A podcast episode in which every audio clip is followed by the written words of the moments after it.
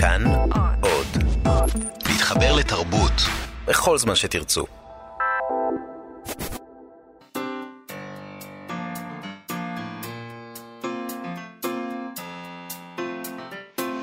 מה שכרוך עם יובל אביבי ומה יעשה לה. שלום, צהריים טובים, אנחנו מה שכרוך בכאן תרבות, תודה שהצטרפתם אלינו לתוכנית אחרונה לשבוע זה. אפשר להאזין לנו ב-104.9 או ב-105.3 FM, או באמצעות היישומון כאן אודי שזמין בחנויות האפליקציות השונות, חינם אין כסף.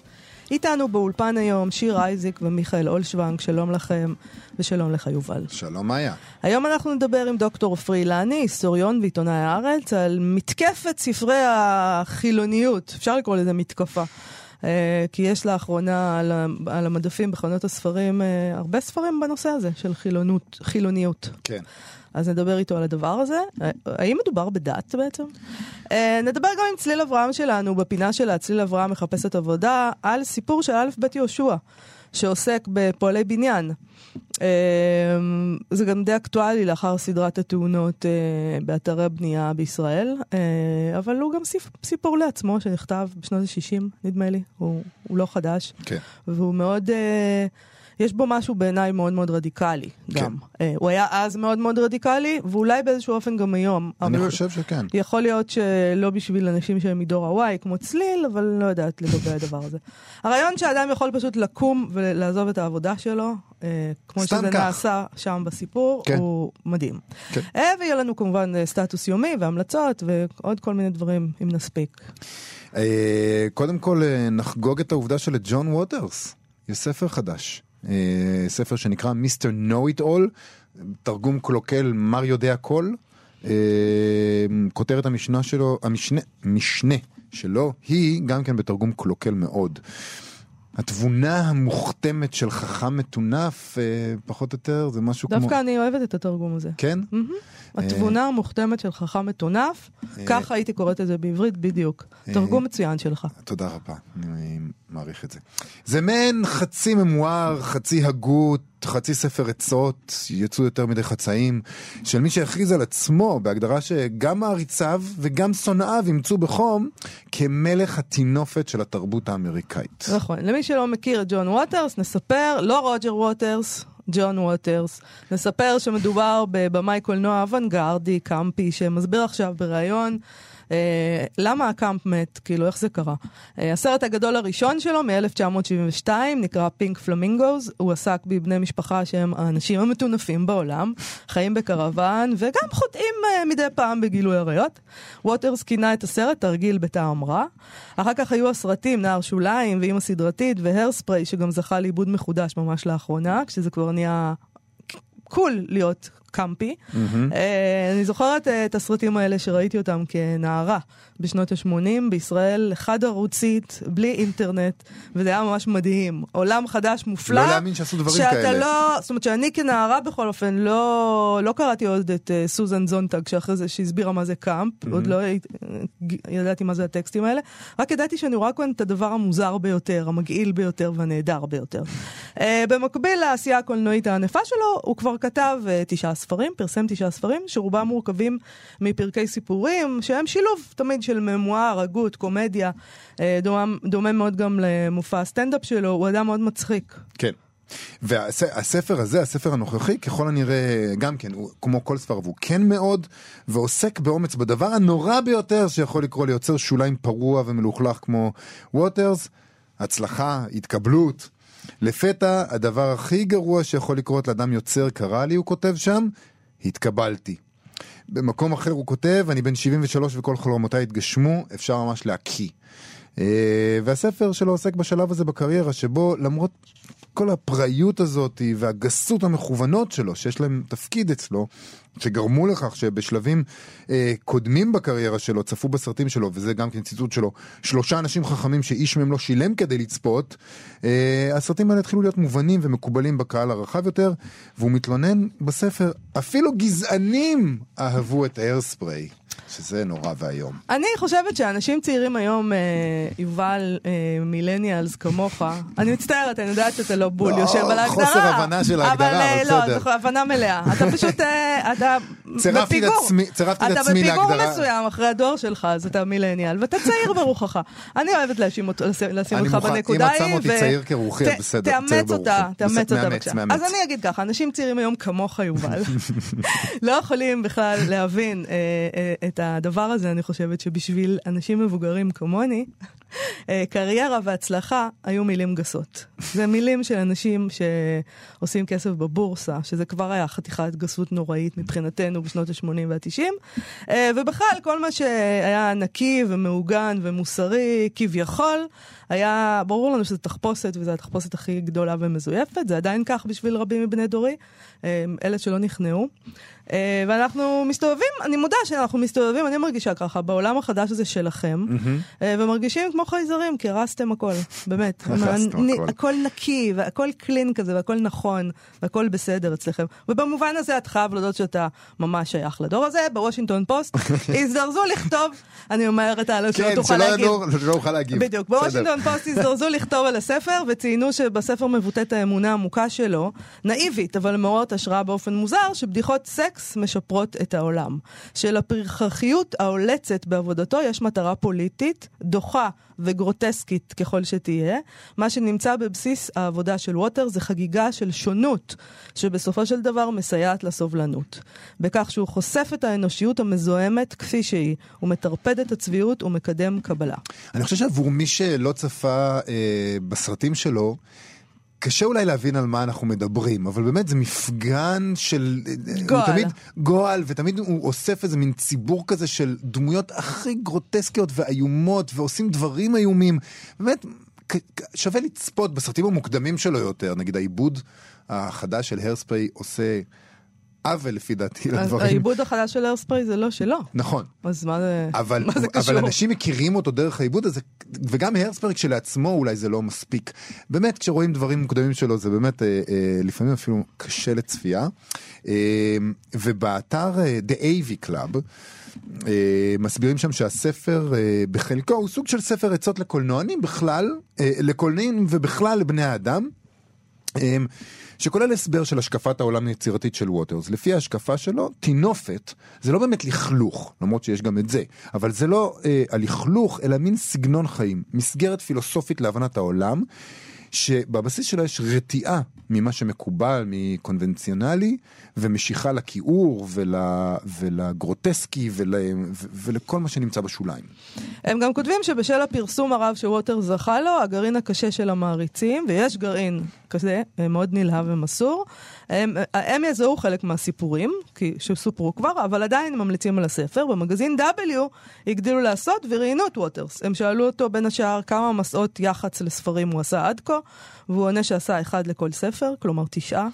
אה, שזה משהו שיכול להיות רק בארצות הברית. מסע, זה באמת מסע, יכול להיות כן. גם לקחת כמה חודשים. והוא אומר, אני אסיר תודה שיש מסעות כאלה, כי הם הולכים ונכחדים. המו"ל יארגן אותם בשבילך, אבל יצפה ממך לשלם עליהם. אה, חשבו שהמסעות האלה יגוועו בגלל רשתות הספרים, אבל אלו הרשתות. הספרים שגוועות. אה, ואז הוא אומר, טוב, רובן, יש לי בעצם אירוע בבארנס ונובל בטיימס סקוור, שזה עדיין המקום הכי טוב להופיע בו. המקום שבו אני נמכר הכי טוב הוא חנות קטנה בבולטימור, ששם הוא גר, בבולטימור, בשם Atomic Books. התור משתרך שם לאורך שלושה בלוקים, שזה מדהים. זה מדהים, אבל יש קטע נורא גדול של גאווה מקומית לפי דעתי בארצות הברית, אז אה, אולי זה מסביר את זה. אה, שואלים אותו אם הוא הגיע גם לשם, לאטומיק בוקס הפעם, והוא עונה שכן. אני הולך תמיד לאותם אה, מקומות בכל פעם, הוא מספר שהוא חתם כבר על- אלפי ספרים, והרעיון אה, מתקיים, הרעיון הזה התקיים ביום שבו הוא קיבל ביקורת טובה. אז אה, הוא אומר שהוא קיבל את הביקורת הטובה הזאת, הוא קרא אותה ורווח לו. אז שואלים אותו, דאגת? ועל זה הוא עונה, אני תמיד דואג. זאת אומרת, בכל זאת אכפת לו מה הממסד חושב עליו, שזה דבר שהדהים אותי. הוא אומר, כשאתה צעיר, מגיעה ביקורת רעה, ואתה שמח שלמישהו בכלל אכפת. כשאתה מבוגר, ביקורות רעות כואבות. ואני חשבתי שכנראה בישראל כולם נולדו מבוגרים. הם לא עוברים את השלב הזה שבו הם מצליחים לשמוח שלמישהו היה בכלל אכפת מספיק ממה שהם כתבו כדי לכתוב על זה ביקורת. וישר עוברים לכאב של הבגרות. נכון. אה, שואלים אותו אם הוא קורא ביקורות, אה, והוא עונה את האמת, אגב, אפרופו זה, כי אתה מכיר את הדבר הזה, את הז'אנר הזה של אני, לא, אני פשוט לא קורא ביקורות. כן. בארץ הם מאוד אוהבים להגיד את זה, אה, אז הוא, הוא אומר שהוא לא מאמין לאלו שמכחישים שהם uh, קוראים.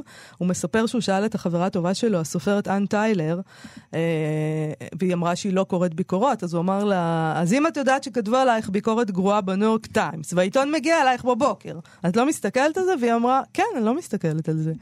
ואז הוא מספר, הוא אומר עליה שהיא לא קולטת מה זה בכלל עיתונות. כשהיא זכתה בפוליצר, ועיתונאים דפקו לה על הדלת, היא אמרה להם, תסלחו לי, אני בדיוק באמצע כתיבת משפט. זה גדול, זה נהדר. אחר כך הוא נשאל איזה ספר מונח ליד מיטתו, שזה כבר תשובה נערצת שמאוד אהבתי כמובן, והוא ענה כך: אני ממש אובססיבי על הסופרת הברזילאית קלריס ליספקטור. אני אוהב אותה כי היא כותבת רומנים שלמים שבהם שום דבר לא קורה, היא מתארת את האוויר. אני חושב שהיא סופרת גדולה. ועל הקאמפ, סוף סוף הגענו לקאמפ, הוא אומר, אף אחד כבר לא אומר את המילה הזאת. אפילו מלכות בנות 90 אה, כבר לא אומרות אותה, מלכות, queens. אולי אפילו בפגישה האחרונה של מועדון המעריצים של ריטה הייוורת' כבר לא אומרים אותה. אנשים כבר לא יודעים מה זה. בשבילי קאמפ היה מילה סודית שהומואים השתמשו בה, וסוזן זונטג חשפה לעולם בדרך אדירה. אבל אז זה נגמר. ברגע שהסוד התגלה, זה נגמר. מה זה קאמפ היום? האם יש היום סרט שיוצא שהוא כל כך גרוע שהוא אדיר? אולי לא אולי לא, בגלל שכולם כבר יודעים את הסוד. זה אף פעם לא במקרה. אז בוא נגיד גם משהו על קאמפ. כן. באנציקלופדיה של הרעיונות, אה, שכתבו דן הרב ודוד גורביץ', הם הגדירו את זה כך. רגישות אסתטית דינמית שאינה מתגבשת לכדי רעיון, כולל או שיטה. אסתטיקה המבליטה אהבה ללא טבעי, לאזוטרי, למוגזם, לקיץ', לצירופי כלאיים, לסגנון עודף, לתיאטרליות. התוכן העיקרי של הקאמפ הוא האירוניה המעוצבת. הטעם הקאמפי עומד בניגוד לסטנדרטים של האומנות המסורתית הגבוהה. הוא מציב אופוזיציה לניקיון המינימליסטי, לטעם הטוב, כן? אופוזיציה לטעם הטוב ולמוסרנות הפוריטנית. הרגישות הקמפית מזוהה לעיתים קרובות עם הטעם ההומוסקסואלי, אף שאין חפיפה מוחלט, מוחלטת בין השניים. הקאמפ מקדש ומטרים את פולחן החריג, השונה והמזעזע, אולם באווירה תרבותית, שבה פולחן האחר, סליחה, הפך זה מכבר לאופנה נפוצה, מאבד גם הקאמפ חלק מקסמו הביקורתי. לד... הגדרה קולעת. אין, זה גם, פשוט... זה לפי דעתי זה בדיוק מה ש... החלק האחרון זה מה שווטרס אומר עכשיו. אה, הרגתם את הקאמפ, זה מה שהוא מאשים אותנו. כמו שאת מאשימה אותנו, המילניאלס הרגו את הקאמפ. אה, אני חושב שבעיקר אני מייחל לזה שיתרגמו את ספריו לעברית. אני לא בטוח שזה יכול להצדיק את עצמו כלכלית. מהלך כזה. אני לא יודעת, אם האירוויזיון אה, יכול להצדיק את עצמו, אז למה ג'ון ווטרס לא יכול... אה, הוא, הוא, הוא ה original. זהו. אה, אני חושבת נכון. שיכול להיות שתאגיד השידור הציבורי יכול פשוט להשקיע לתרגם- כסף לתרגם בתרגום. את הספר. ובכלל להפוך למין מעצמת קאמפאית כזאת. שאנשים שצפו באירוויזיון ידעו איך- שיש בו משהו קמפי. זה יכול להיות ערוץ שידור ציבורי שהוא מעצמת קאמפ. עולמית. וואו, זה רדיקלי.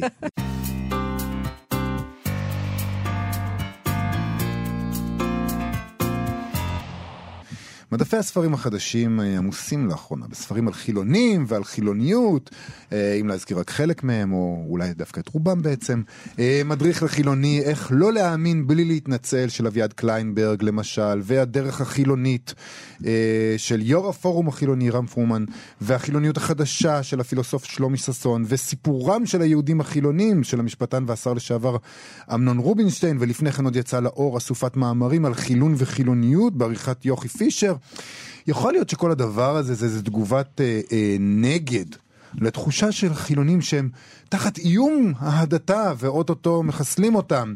אה, כמו שנכתב בערך על גב הספר אה, של אביעד קליינברג, אם אתם חילונים, זה בטח קרה לכם.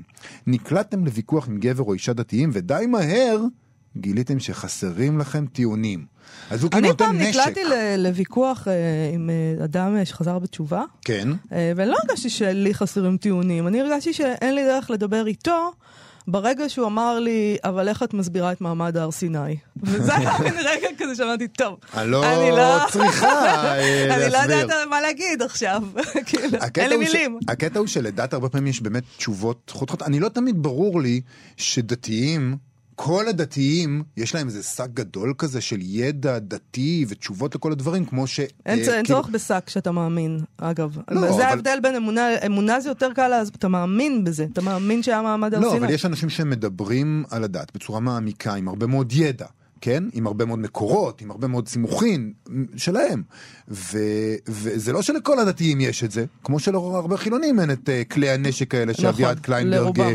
uh, רוצה להעניק לנו, mm-hmm. אבל יכול להיות שיש עוד סיבות עומק לזה, לגל הזה. לא רק, uh, הנה, ככה תתמודדו עם הטיעונים, אלא אולי באמת יש עוד סיבות לזה שהחילונים מרגישים שהם צריכים איזה...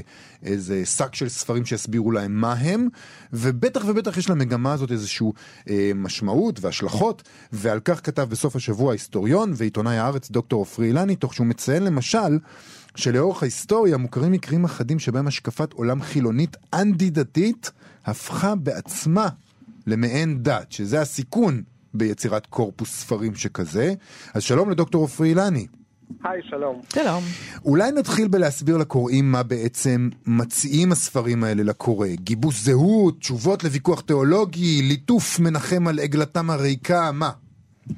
אז קודם כל זאת באמת ממש תופעה, כלומר, אה, אם אה, המגמה בשנים האחרונות הייתה כזה של אה, ארון הספרים היהודי, כל מיני, הסטטוס היהודי של סיון רהב מאיר והמון דברים בסגנון הזה, פתאום, לפחות במדף ספרי העיון, כאילו הוא ממש נכבש על ידי ארון הספרים החילוני, וזה משהו די חדש, כן? כן. עכשיו, הם, כל אחד מהספרים בא לזה בגישה קצת אחרת, חלק מהם הוא יותר, הם יותר היסטוריים, הם, חלק הם באמת מין סוג של מניפסט כזה, הם, אבל כעיקרון כמגמה, מה שנראה שרובם מנסים לעשות זה להגדיר איזושהי זהות חילונית, כאחת הזהויות שנמצאות בישראל, ש, שדורשת את uh, זכויותיה. Uh, רם פרומן במיוחד בולט בעניין הזה, כן? שהוא אומר, אנחנו מגזר ואנחנו צריכים להתייחס לעצמנו במגזר. הוא לא מגזים ב, בהיקף של הציבור הזה, כן? אבל זו בעצם הודעת בתבוסה. הדבר הזה שאתה מתאר, כיוון שעד היום פשוט uh, החילונים או, או... היו ברירת מחדל. כן, בעצם. היינו, כן. אנחנו כאילו זה הטבע, ויש עוד מגזרים, כמו כל מיני... אשכנזים. כן, אשכנזים, כמו אשכנזים, חילונים. זה, בדיוק, ככה זה. החוסלים. זהו, אז, אז קודם כל, אה, אנחנו רואים בכל מיני אה, מקומות בעולם, בתקופה שלנו, זהויות שהיו פעם הגמוניות, שעכשיו אה, נאבקות אה, על, על עצמן כזהות, למשל הגבריות, כן? נכון. אה, הגבריות תובעת את זכויותיה, הלא בן, ו- ולפעמים יש לזה פנים מאוד מאוד מכוערות, כן? במקרה הזה, לדעתי, גם כאן יש אולי פוטנציאל שיכול להיות מסוכן, אבל בסך הכל זה, זה די לגיטימי, ולגבי מה שאתם אומרים, אה, רם פרומן אומר שזאת בדיוק הייתה הטעות של, אה, גם של אה, מפלגות חילוניות בתקופה עד עכשיו בעצם, אה, שהם לקו בווירוס ההגמוניה, כלומר הם התייחסו לעצמם עדיין כאילו שהם ההגמוניה, בזמן שאנחנו כבר לא. אבל אנחנו עדיין קבוצה מאוד משמעותית, למעשה אה, בטח לא פחות גדולה מהחרדים, ואם נתייחס לעצמנו כקבוצת לחץ, נוכל להשיג יותר. זאת הגישה שלו אה, בתוך הפוליטיקה והחברה הישראלית, כן? אבל יחד עם זה, בא גם איזשהו ניסיון להגדרה עצמית, כי אם מגדירים קבוצה והיא כבר לא מובנת מאליה, צריך איזשהו אה, קרדו, צריך איזשהו אה, עיקרי אמונה, אפשר כן. לומר. ו- וזה, אה, לשם כך בעצם באים הספרים האלה, כי גם יש לומר שעד היום החילוניות בישראל בדרך כלל הייתה באה במקף עם משהו אחר. כלומר, אה, נגיד אה, חילוניות וסוציאליזם, חיל, חילוניות וציונות. חילוניות כאידיאולוגיה שעומדת בפני עצמה, ובטח אתאיזם ודברים כאלה, לא היה כוח חזק בישראל. וזה כן? באמת קשה, כי, כי חילוניות באופן עקרוני, ניסיון להצמיד לאידיאולוגיה מקודשת, זה סותר את מה שהיא. נכון, אז הרבה מהם אומרים, גם למשל קליינברג, שהחילוניות היא, היא מטבעה ספקנית, אין לה דוגמה, אין לה אפיפיור, ולכן אין, אין מה לנסות לנסח עיקרי אמונה. יחד עם זאת, אפשר לומר שהם גם קצת כן עושים את זה, ואז נשאלת השאלה באמת, מה התוכן של זה? וזאת אה, שאלה די גדולה, כי אם מסתכלים על הספרים האלה, בעצם יש הרבה הגדרות אה, מאוד שונות אה, שעולות שם. אה, ליברליזם, אה, רציונליות, כן, אה, בדיחות כאלה, לא, לא שזה כל כך בספרים האלה עצמם, אבל אנחנו רואים את זה למשל אצל ליאור שליין, כאלה בדיחות על אנשים שמאמינים באלוהים, כן. על, ה, על החבר הדמיוני וכל זה, כן, מין, מין רציונליות כזאת קצת יהירה, אה, אוניברסליות, שזה משהו אחר. מצד שני, חילוניות גם יכולה להיות קשורה ללאומיות, למשל כמו, ב, כמו באידיאולוגיה הכנענית, שהייתה, אה, היה לה פעם כוח מסוים בישראל. אז, אז מאוד, יש הרבה סתירות אה, בתוך ה... בתוך האידיאולוגיה הזאת, שלא לדבר על, אה, על פלורליזם שהוא לכאורה חלק מהחילוניות, אבל כמו שרם פרומן אומר, אה, לא יותר מדי פלורליזם, כן, אני אומר בפרפרזה, כי אם נהיה יותר מדי פלורליסטים, אז נצטרך גם לקבל חב"דניקים שמקימים אה, בית חב"ד בשכונה שלנו, כן? זה, אה, הפלורליזם בעצם הוא דפק אותנו עד עכשיו, זה, מה שהוא אומר. שעד ככה עכשיו... הוא לפחות רואה את זה, אני חושב שזה פרדוקס מסוים בתפיסה הזאת, ש... כן. אבל שמצביע זה גם על באמת, בעיה. אבל כן. זה באמת משהו שמקשר לדבר אחר שאתה אמרת מקודם, לגבי המגזרים האלה שראו את עצמם כהגמונים בעבר ועכשיו נאבקים על זכות ההגדרה, אחד הדברים שקורים הרבה פעמים, בטח בקשר ללבנים ובקשר לגברים, זה שזה, הדבר הזה הוא בקשר, הוא עומד בקשר לשימור הפריבילגיות. וגם החילונים יכול להיות מנסים עכשיו אה, לשמר את הפריבילגיות שלהם, כי עד עכשיו היו להם הרבה מאוד פריבילגיות, וזה אולי עומד אה, בקנה אחד עם הדבר הזה. אל תכניסו לנו חב"דניקים, כי להם לא מגיע הפריבילגיות שיש לחילונים. כן, אז, אז עולה כאן שאלה, אה, האם בעצם מה שמדובר עליו כאן זה חילוניות כאיזשהו סוג של פילוסופיה, השקפת עולם, או שזה פנים אחרי, אחרות של מה שהסוציולוג ברוך קימרלין קרא החוסלים, אה, אשכנזים, חילונים, סוציאליסטים וכן הלאה, כלומר, השכבה הוותיקה... אה, אה, שגנבו לה את המדינה. כן, בדיוק, שזה משהו שאנחנו בסך הכל מכירים את הגילויים שלו בהרבה הרבה צורות. אה, הוא לא ממש חדש, גם, גם המאבק סביב זה, השאלה של אליטות ישנות מול אליטות חדשות, אה, וכמובן גם אה, הניסיון לעמוד על הרגליים האחוריות ולזעוק מחדש את זעקתה של האליטה הישנה. אבל נדמה לי שלפחות על פני השטח, הדברים מוצגים כאן כמשהו אחר, זאת אומרת כהתמקדות בנושא שהחילוניות עצמה, לכאורה בלי צבע, בלי גוון, בלי אה, אה, זיהוי עם איזשהו אה, כוח אה, כזה, או- סוציולוגי כזה או אחר. אתה אה, מזכיר- האם זה נכון? זאת שאלה. אתה אה, מזכיר במאמר שלך, מק- כמו שהזכרנו בהתחלה, מקרים מסוכנים, כן? שבהם אה, הניסיון הזה להגדיר את, אה, להגדיר את החילוניות אה, יידרדר לדת כשלעצמה. אתה יכול להסביר טיפה כן, את ה... גרמניה שהיא אה, מקור לא אכזב לכל מיני מקרים מסוכנים בהיסטוריה, אז אה, שם... גם אה, שם, גם למשל- בזה הם אה, כיכבו, אוקיי. זהו, אז שם למשל היה אה, בתחילת המאה שעברה משהו שנקרא איחוד המוניסטים, ש- שהם היו אה, מעין אנשי מדע כאלה חילוניים, מאוד אנטי-קלריקליים, מאוד בזו לדת, אה, ויצרו איזשהו סוג של בעצם דת אבולוציונית שמבוססת על גרסאות בנות התקופה של מדעי המוח, מין רציונליות כזאת מאוד יהירה, אבל אה, באופן אה, אירוני זה הפך אה, מאוד מהר למשהו שהוא ממש ממש אה, כמעט כמו דת, עם דרישה לייצוג, מעין שיעורי דת ו- וסוג של מטאפיזיקה, אפילו עם ייצוג של אה, שילוש קדוש שהיה שם, כן? עכשיו, אפשר לדבר על זה שיצאו מהם גם הדרוויניסטים החברתיים, שזה בכלל אה, סכנה מאוד גדולה כשלוקחים את דרווין ואת האבולוציה יותר מדי כאיזשהו סוג של עיקר אמונה נורמטיבי, שזה יכול להוביל די בקלות לדרוויניזם חברתי, כלומר לתפיסה ש- שלחלשים מגיע, אה, כן, להירמס. יכול להיות פשוט שמה שאתה מתאר זה איזשהו אה, אה, אה, שירת ברבור, שירת ברבור גובע של החילוניות, שאנחנו רואים הרי בישראל, אה, אני חושב שסקרים מדברים על אחוזים מטורפים של קרובים ל-100 אחוז של אמונה. כזאת או אחרת, אה, ואני חושב שגם בעולם כולו אנשים אה, רואים מגמות כאלה שנעים לעבר אמונה ולא הרחק ממנה. וזה פשוט מפחיד עבור אנשים שהם מאוד מאוד אתאיסטים, אומרים אוי ואבוי, אה, עוד מעט ישימו אותנו, אתה יודע, מיד חושבים על כל מיני אפוקליפסות של דת. כן, אז אפשר לראות בזה איזשהו שירת ברבור או פרפור גסיסה או משהו כזה, אבל אני גם לא לגמרי בטוח. בסך הכל, בעניין הזה דווקא אני לא חד משמעי. יש מגמות אה, נגדיות גם בישראל, יש הרבה מאוד דתל"שים, יש תנועה ממש לא קטנה של חרדים. אה, לכיוון של חילון, ודרך אגב, יכול להיות שמניפסט כזה, כמו מה שלמשל קליינברג כתב, אה, יכול גם באמת לשמש אה, בשביל אה, איזשהו אה, חרדי צעיר שמחפש את דרכו ולא כן, לא, לא בטוח, כאיזשהו אישוש לתפיסה חילונית, ולא בטוח שנאמרה המילה האחרונה בשאלה הזאת של הכיוון של חזרה בתשובה או חזרה בשאלה. בחברה הישראלית. מעניין, אוקיי. דוקטור פרילני, תודה רבה לך שדיברת איתנו. תודה לכם. להתראות.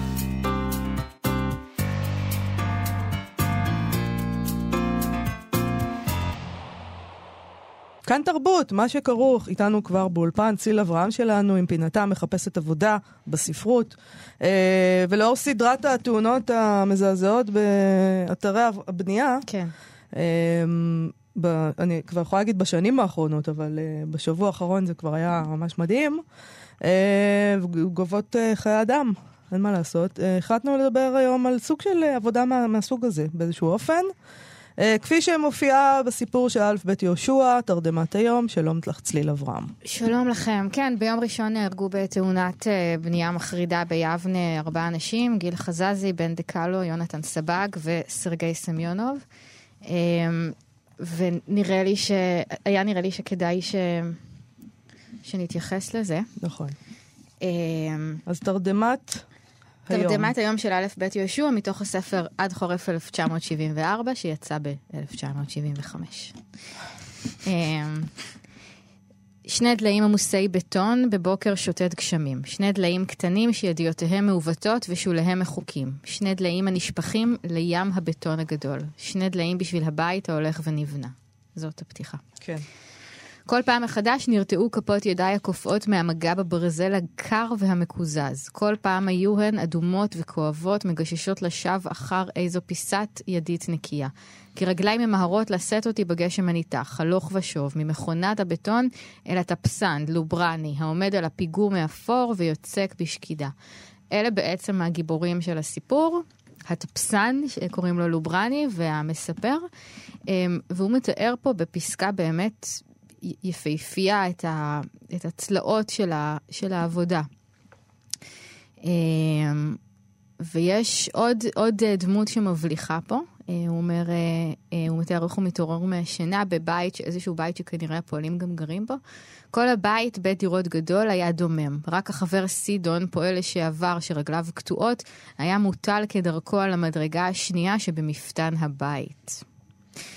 שם הוא יושב בכל שעה משעות היום, ואף את ארוחותיו מביאים לו לשם, על מנת שילעסן בלא חמדה כשעיניו מתרוצצות אחרינו. מתי הוא נרדם, אין איש יודע. אם אין עץ השחר, הוא משלח אותנו לעבודה, ואם ערב, הוא אוסף אותנו חזרה לחדרים הקטנים. זה בעצם הבן אדם הראשון שהוא רואה כשהוא קם בבוקר, ו... זה את הפועל הזה שהרגליים שלו קטועות, ועכשיו הוא סתם יושב שם ומסתכל עליהם. שזה בעצם, אתה קם בבוקר ואתה הולך לישון עם הדמות הזאת של, של אחריתך, של מה שעומד להיות הגורל שלך, או מה שעשוי להיות הגורל שלך, ובעצם, אני, אני, זה יפה מה שא' ב' יהושע עושה כאן, כי אמ, בעצם הבן אדם הזה, הפועל לשעבר קטוע רגליים, הוא מת חי. הוא בעצם אה, נפצע, אנחנו מניחים, בתאונה. נקטעו רגליו, הוא לא יכול לעבוד יותר, אבל הוא לא מת, הוא לא נעלם, הוא לא נמחק, הוא לא נמצא בקבר שבו אי אפשר לראות אותו ואפשר לא, לשכוח מהדבר הזה. כל יום, כל, כל יום בוקר. הוא נוכח, והסכנה הברורה והמיידית של העבודה הזאתי, זה מה שמלווה אותך כל הזמן. זה, אי אפשר לשכוח את זה. כן. וגם את החיים, את חיי העבודה עצמם הוא מתאר כמין חיים למחצה כאלה. Uh, עכשיו אני כאן, סוחב דליי בטון ללא הפוגה, ללא תקווה. בקצב המטורף של המכונה הישנה רועדת בחדוות עבודתה. הגשם הלך ושטף אותי, המים החלו מסתפגים אט-אט בבגדיי, טיפות זחלו על עורפי כשהן נוטבות קו קר לאורך גבי החם, והשעה הייתה מוקדמת. כל הפועלים היו דוממים. אלה העובדים ליד המכונה הרותחת, שמנהל העבודה מנצח עליה, משמשים בזריזות ובדבקות, ואנחנו הזוטרים מהלכים רצים עם דליי הבטון הלוברני העמל למעלה על הפיגום, יוצק בשלווה את המלט אל תוך הדפוסים הרחבים. לפתע חשתי שכוחותיי עוזבים אותי. אילו היה אפשר להיעצר בדרך ולו לרגע קט. נשאתי עיניי בייאוש לצדדים, אך כל שאר העובדים היו מכונסים במלאכתם, שתקניים, אדישים לזרמי המטר. ידיי רעדו שעה שהעליתי ללוברני את הדליים אל לוח העצר הטוב. טוב, זה תיאור פשוט מייאש. ואז אה, קורה הטוויסט, אה, כשהטפסן הזה, לוברני, מסתכל עליו ועל העיניים שלו שככה מתרוקנות מחיים, מרוב ייאוש ומרוב עייפות, והוא אומר לו, אתה עייף? נשמתי בכבדות, ראיתי שעיניי עמומות ועייפות עד מוות. אתה רוצה לישון? שפתיי רחשו בלא מילים. בוא לישון איתי בביתי, אמר בתקיפות. גם אני לא הייתי צריך לבוא ביום הארור הזה. ואז הוא לוקח אותו למנהל העבודה, ומנהל העבודה אומר לו, מה קרה? ולוברני אומר, אני הולך הביתה, וזה הולך איתי. המנהל לא יכול היה להבין. אני עוזב את העבודה, אני הולך הביתה. מה פתאום מתבלבל מנהל העבודה נעלב? אני הולך הביתה, אני לא רוצה לעבוד. אתה חולה? שאל המנהל באי אמון. לא, אני עייף. וזה נמשך, מדהים. הוא אומר לו, אי אפשר ללכת, אתה לא יכול ללכת, הוא מנסה לבקש, הוא מנסה לכעוס. עיניו דומעות באיזשהו שלב של מנהל העבודה, הוא עומד מול סיטואציה שלא אה, לא, לא מסתדרת לו. כן, לא עושים כזה דבר. מי הולך? לא קמים והולכים, לא רק זה, אלא שגם אין לו תירוץ. זאת אומרת, זה לא שאני צריך ללכת להלוויה, או אני צריך ללכת לבית חולים, או משהו, הילד שלי חולה, כן, או אני חולה. אתה עייף, אתה חולה? אני עייף. מה זאת אומרת? ובן אדם פשוט הולך. הוא אומר שם, כולנו עייפים, מה זה פה? כן. אה, לא, אבל זה, הוא אומר, אני עייף, אני הולך. וזה באמת הרגע הכי נחמד או מעורר חיוך או משמח בסיפור, כי מה שקורה אחרי הבריחה היפה הזאת הוא, הוא פחות... אה, אה, הם מגיעים לבית של לוברני והוא מתאר, הייתה זו דירה מצוחצחת ובה שני חדרים בלבד, שדלת גדולה מבדילה ביניהם. שניהם ריקים מכל כלי בית רגילים, ולא הכילו דבר זולת שתי מיטות. מיטה בכל חדר. והוא מתאר את המיטות ענקיות, רחבות וגבוהות. כל החדר נדמה כמיטה אחת גדולה, אה, עם קרי פוך רכים, מוגבהים, מעין אידאה מקדש. של מיטה. מקדש של שינה, כן. הדירה הזאת. והוא שואל את לוברני, מה זה? והוא אומר לו, אלו מיטותיי, כאן אני חי, ימים שלמים אני מוטל כאן. ממיטה אחת לשנייה, ומן השנייה חזרה לראשונה. יש שבועות תמימים שאני רובץ בהן. אני חושב שהדמות שלו היא דמות מדהימה, כי היא מתארת משהו שכולנו מתנגדים לו. זאת אומרת, מה זה, הוא חי בשביל לישון, הוא מתאר איך הוא אוכל בשביל לישון, והוא מבלה שם שבועות, זה המהות בשבילו, לישון. אני חייתי ככה בצבא. היה לי משמרות של 6-6, והמטרה שלי הייתה, היה תקופה של 6-6 והייתה תקופה של 12-12, והייתה לי ממש מטרה את כל ה-12 שעות שאני לא במשמרת, לישון. הייתי כאילו ממש לימדתי את עצמי להיכנס למיטה ולעצום עיניים, ולאט לאט הגוף פשוט היה נרדם, לא משנה מה. משמרת לא, של 12 אה, שעות? היו כל מיני. אני גם חושבת ש... מה זאת אומרת? אתה אומר שכל המטרה שלו זה לישון. אין, אין מטרה אחרת. הבן אדם הזה הוא בעצם עבד. ויש לו שתי אופציות, או לעבוד או לישון, זה הכל. זה מה שיש בחיים שלו, זה מה שאלף בית יהושע מתאר פה. נכון. את האנשים האלה שהם פועלים, והם עובדים כל כך קשה, שכל השאיפה שלהם בחיים חוץ מזה, זה פשוט לישון, לשים את הראש. אני מסכים, ואני חייב להגיד שבהקשר הזה, אני לא יודע אם זה מכוון, אבל התיאור שלו, שהקראת מקודם, של, ה, של הגשם והעבודה והסיזיפיות הזאת, ממש הזכיר לי אה, אה, תיאורים של פרימו לוי אה, מהמחנה. ממש. ממש, כן. כאילו, את, ה, את, ה, את השלדי הדם האלה שנעים ללא מטרה, מעבודה סיזיפית אחת לעבודה אחרת, הרי גם לפרימו לוי יש את כל התיאורים האלה שלהם נושאים קורות ברזל גדולות וכולי, ו, ו, וממש... חוץ מהדבר הקטן הזה שאתה יכול לקום וללכת. אה, נכון, אבל... במחנה עבודה לא יכולת לקום וללכת. האם אתה יכול לקום וללכת? כן, זה הדבר המהפכני שאלף בית יהושע אומר להם פה. אתם יכולים לקום וללכת. אתה עייף, תקום ותלך. זה מה שהוא עושה פה בעצם. זה הדבר שבעיניי, אה, אני מניחה שכשהסיפור הזה יצא, בשנות ה-70, זה היה... זה דבר רדיקלי. מה זאת אומרת? קודם כל עבודה היה אתוס. עובדים זה, עובדים ב... לא, אנחנו לא סתם עובדים, אנחנו עובדים ושרים, שורקים, מזמזמים, אוקיי? שירי עבודה, כן, עמל. כן, 75 זה בדיוק כשמתחילים כבר לפרק את ו... כל, בדי... כל הדברים האלה. והוא בא ואומר. כן. אנחנו לא שרים, אנחנו לא שורקים, וזה לא כיף, ואנחנו גם יכולים לקום וללכת. הנה. וללכת אבל לישון. אין שום, אין שום תקווה בללכת לזה, זה באמת ללכת לישון, ואחר כך גם הוא מספר, הוא, הוא, הוא ישן, הוא מתעורר מהשינה, והוא ישן עם חלומות נפלאים, והוא מספר ללוברני על חלומות נפלאים שהוא חלם, והוא אומר לו, גם אתה חולם? אני הייתי חולם, אבל עכשיו אין לי יותר חלומות. שנתי ריקה, כך יותר טוב. עכשיו, אפילו אצל פרימו לוי, אחד הדברים המדהימים ב"זהו אדם" זה שהוא כותב, אפילו באושוויץ אין 100% דיכאון. אפילו שם יכול להיות פתאום רגע שהשמש זורחת עליך ואתה מחייך. זה מאוד מעניין, כי הדמות הזאת של לוברני היא כאילו גואלת, אבל, אבל, אבל אין גאולה. היא כאילו מראה לו את האפשרות של לעזוב ולעשות מה שאתה רוצה, ולא להיכנס לתוך המטחנה הזאת, אבל זה לא שיש משהו טוב אה, בהמשך. אפילו אומרת, לא לחלום, אפילו זה כואב כן, מדי. הגאולה היא, היא לעבר, שוב, איזשהו סוג של מוות בחיים, לישון שבועות שלמים אה, ברציפות. אה, מייאש בגדול הסיפור. גם אצל ג'ורג' אורוול ב-1984 שקראנו פה, אז הוא מתאר את ההליכה מהמסעדה הביתה, מיד להתרסק על המיטה, לפרפר במין שינה שחורה בלי חלומות, לקום וחזרה לעבודה. חיי, זה, אלה באמת, זאת אומרת, כמה שהסיפור הזה הוא כאילו, יש פה סימבולים ומיתוסים, יש באמת ח- אנשים שאלה החיים שלהם, העובדים הסינים ברכבת הקלה, עובדים משמרות של 12 שעות, כל יום. יש הרבה אנשים שאלה החיים שלהם.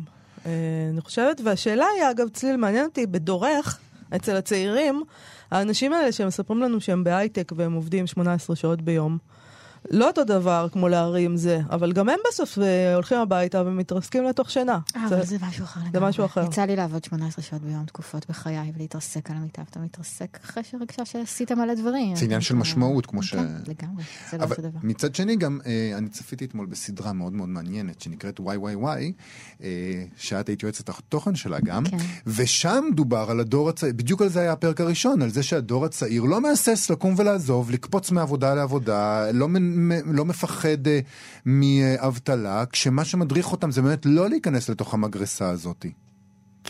כן, אבל עדיין, אתה יודע, באתרי הבנייה ליד הבית שלי יש בני גילי, ערבים אה, וסינים, שכל הדיון הזה הוא ממש מחוץ לטווח האפשרויות מבחינתם. אני חושב שזה בדיוק העניין. אני חושב שהעניין הוא באמת אה, חוסר האפשרות. העובדה היא שהרבה מאוד אנשים שעובדים בעבודות האלה לא יכולים ללכת. אז נכון שזה לא המחנה וזה לא לאגר ו- ו- ו- וזה לא מה שמתואר אצל פרימו לוי, אבל באמת באמת אין אפשרות ללכת, כי מה תעשה? מה תעשה? הרי, הרי המצב באתרי הבנייה בישראל זה כבר מצב ידוע. האנשים האלה שהולכים שם לעבוד הם יודעים שזאת אפשרות, זה קורה כל הזמן. זה אומר כמה, כמה מעטות האפשרויות שלהם. בדיוק. אם הם הולכים לעבוד בעבודה שבה אפשרות למות כל כך מוחשית וכל כך יומיומית, ועדיין הם הולכים, באמת אין להם שום אפשרות אחרת. צליל אברהם, תודה רבה לך. תודה רבה. להתראות.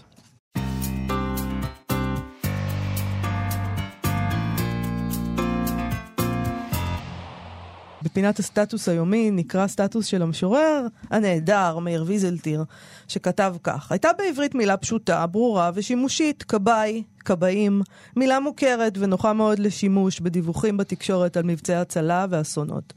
יום אחד, בהשפעה אמריקאית, אם איני טועה בעקבות אירועי ה-11 בספטמבר 2001 במנהטן, בדתה התקשורת ובעקבותיה האקדמיה צירוף מילים חדש, דרמטי, לוחמי אש.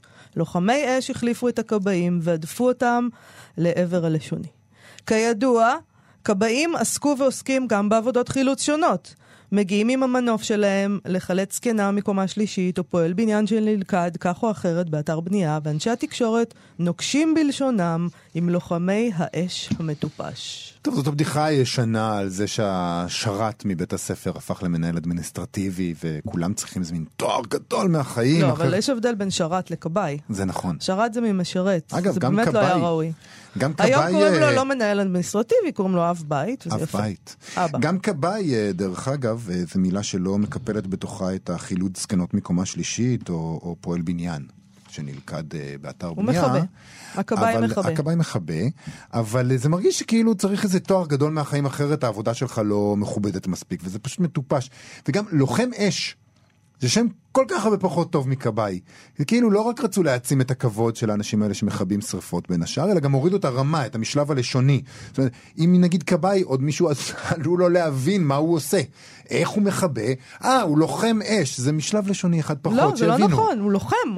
ובארץ הזאת לוחם, זה אה. הדבר הכי גבוה שיכול להיות, מה זאת אומרת?